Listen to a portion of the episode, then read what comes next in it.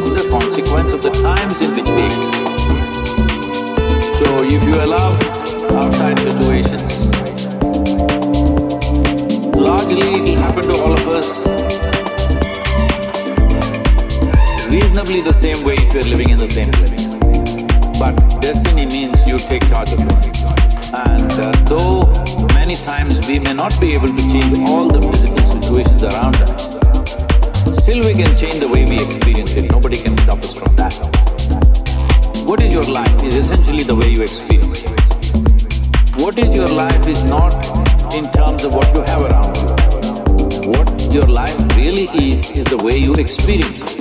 And the way you experience it, or whichever way you experience it, happens within you. What happens within you if you don't take charge of that? I think it's a wasted life.